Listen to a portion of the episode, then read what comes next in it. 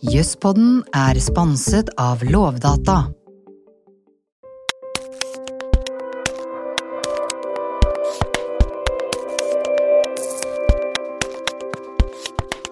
I juni kom en eh, ny dom fra Høyesterett knyttet til eh, regler om seksuell trakassering.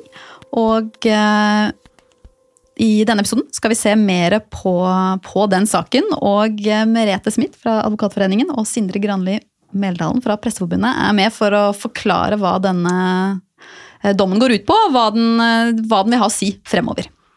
Og Vi begynner bare med, vi må, vi må forstå hva som er bakgrunnen for saken. Kan du fortelle Sindre, hva som skjedde her? Ja, det var uh, politistudenter som hadde sanitetsøvelse. Uh, skulle man uh, øve på å søke etter uh, sår og, og blod, ja, blodskader. Da. Eh, eh, og det skulle være en eh, realistisk eh, øvelse. Foregikk i et eh, klasserom. Eh, Og da var det en instruktør, eh, en eh, politibetjent med bakgrunn fra Forsvaret, som hadde ansvar for denne. Eh, og så var det da en kvinnelig student der, som av årsaker som ikke framgår av, av Høyesteretts oppsummering, så hun hadde tre gensere, men ingen bh. Som gjorde at hun ba sin makker om å være noe varsom ved søk på kroppen hennes. da. Eh, noe denne mm, instruktøren ikke syntes var bra. Han ville ha realistisk eh, øvelse og skulle ikke være forsiktig. Her må liksom, han, ja.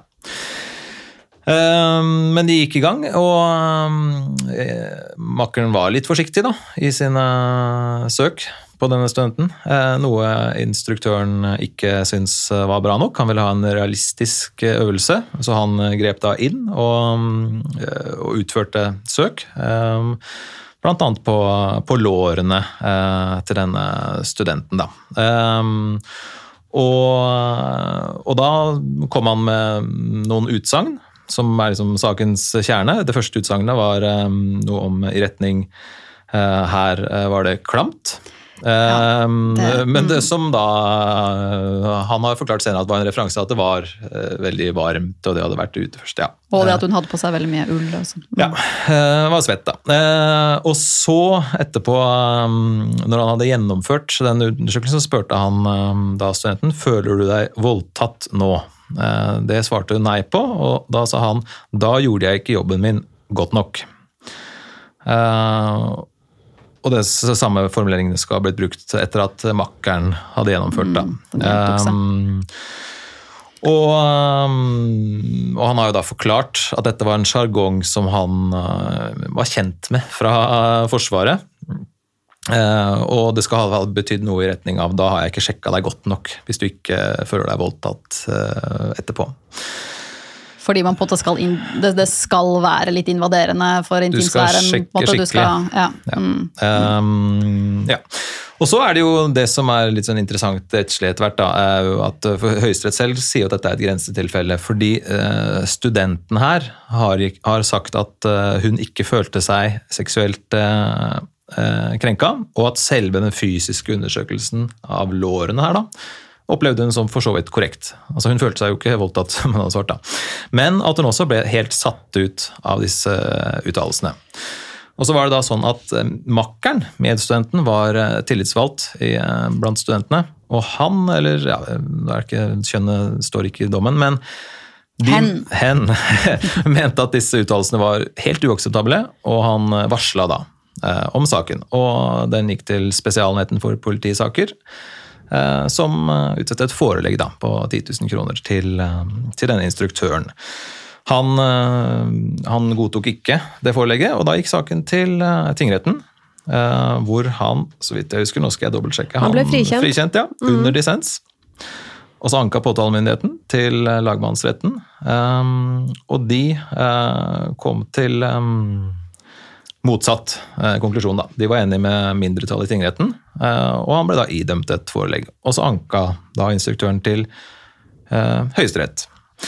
Eh, og det som eh, ja, og da går jo da Høyesterett inn og vurderer om eh, var dette her brudd på straffelovens paragraf 298, og var det en, en krenkelse, en seksuell krenkelse. Ja, fordi det, det det står der, da, er jo at med, med, i bokstav B er med bot eller fengsel inntil ett år straffes den som i ord eller handling utviser seksuelt krenkende eller annen uanstendig atferd i nærvær av eller overfor noen som ikke har samtykket i det.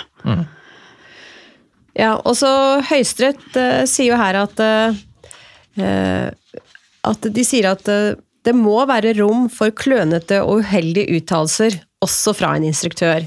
Så det er så bra. De gir at, eh, sier at det må være rom for å ja, være litt klønete. Og som du også sa, Sindre, at de ser på det som et grensetilfelle.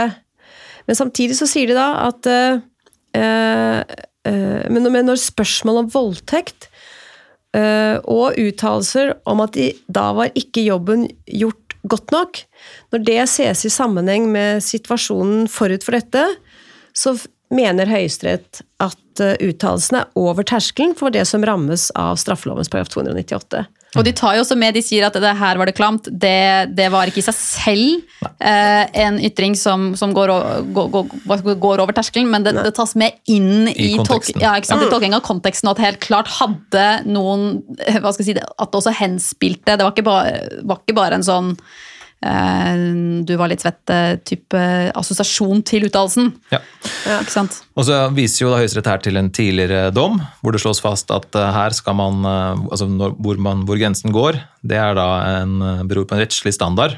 eh, Og, og at da innholdet i den vil utvikle seg noe over tid. Altså hva samfunnet oppfatter som upassende i dag, er annerledes enn det det var eh, for 20 år siden. Um, Eh, og så er det en veldig fin formulering i, uh, i dommen her, at uh, det har ikke skjedd en utvikling de siste årene i retning av større toleranse for seksuelt pregede handlinger og utsagn overfor personer som ikke har samtykket til det.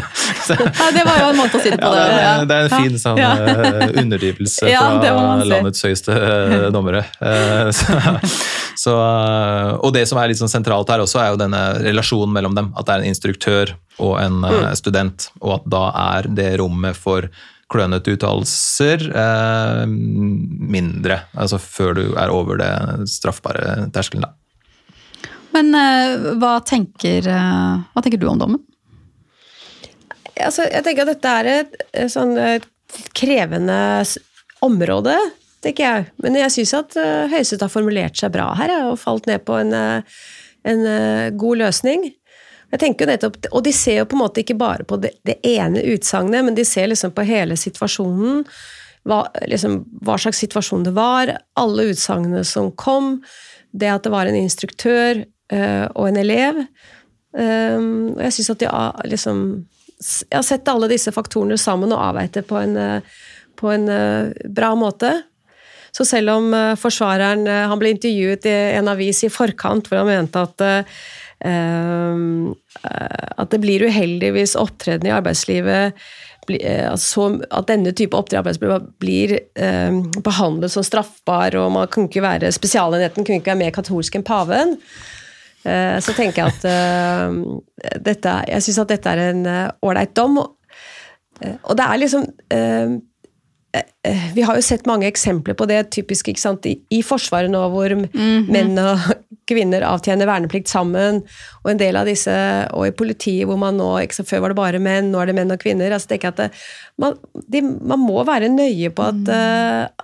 at, dette, at man opptrer ordentlig. Og det er liksom kanskje en sjargong som man syntes var akseptabel før, det er bare ikke akseptabelt lenger. Det, der er det en utvikling, og det, jeg syns Høyesterett har funnet, eh, laget en eh, bra løsning her. Og da blir det en, mer, en bevisstgjøring også, da. Så for som du nevnte, det, det slo meg også når han viser til sjargong fra Forsvaret, i lys av alle de skandalene, og egentlig den veldig store skandalen som, eh, som, har, som har vært i Forsvaret, så blir det sånn ja, jeg, jeg, jeg tror på at det har vært en sjargong, men det betyr jo ikke at det er greit. Ja, og det er jo også det han her hadde jo siktede hadde jo alternative utsagn han kunne ha valgt.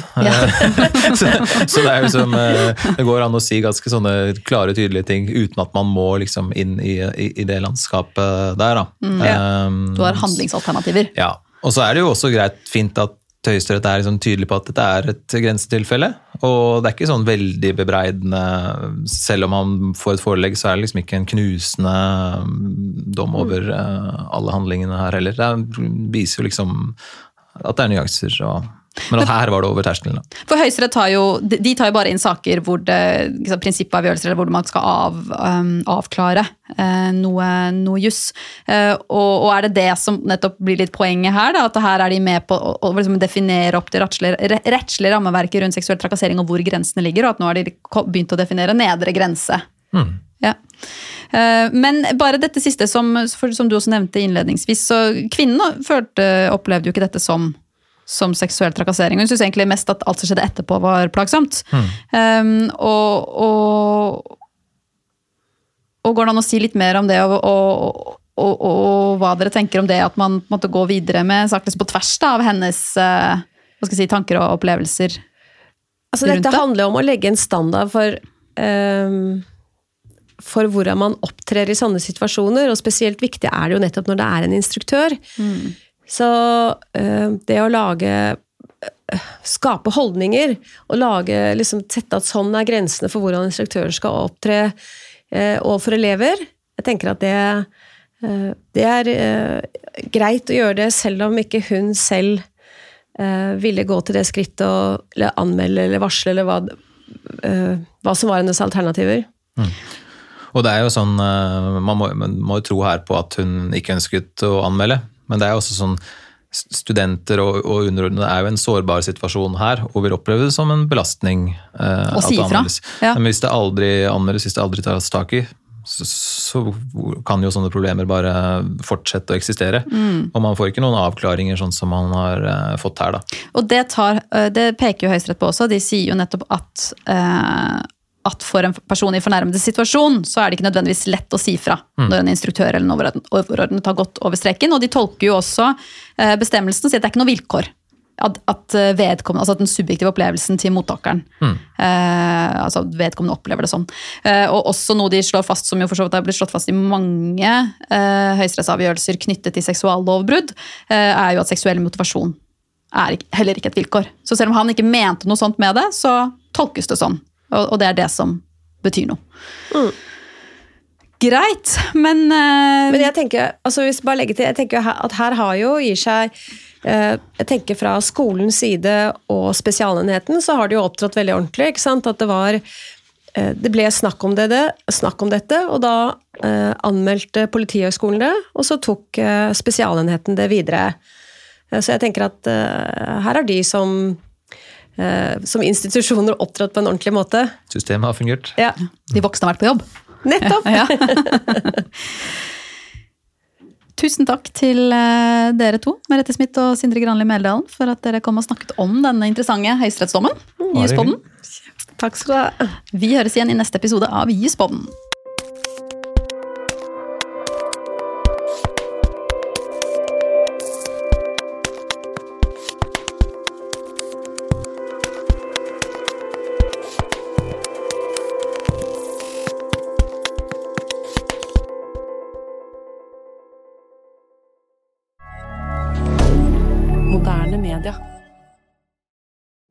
Jøsspodden er sponset av Lovdata.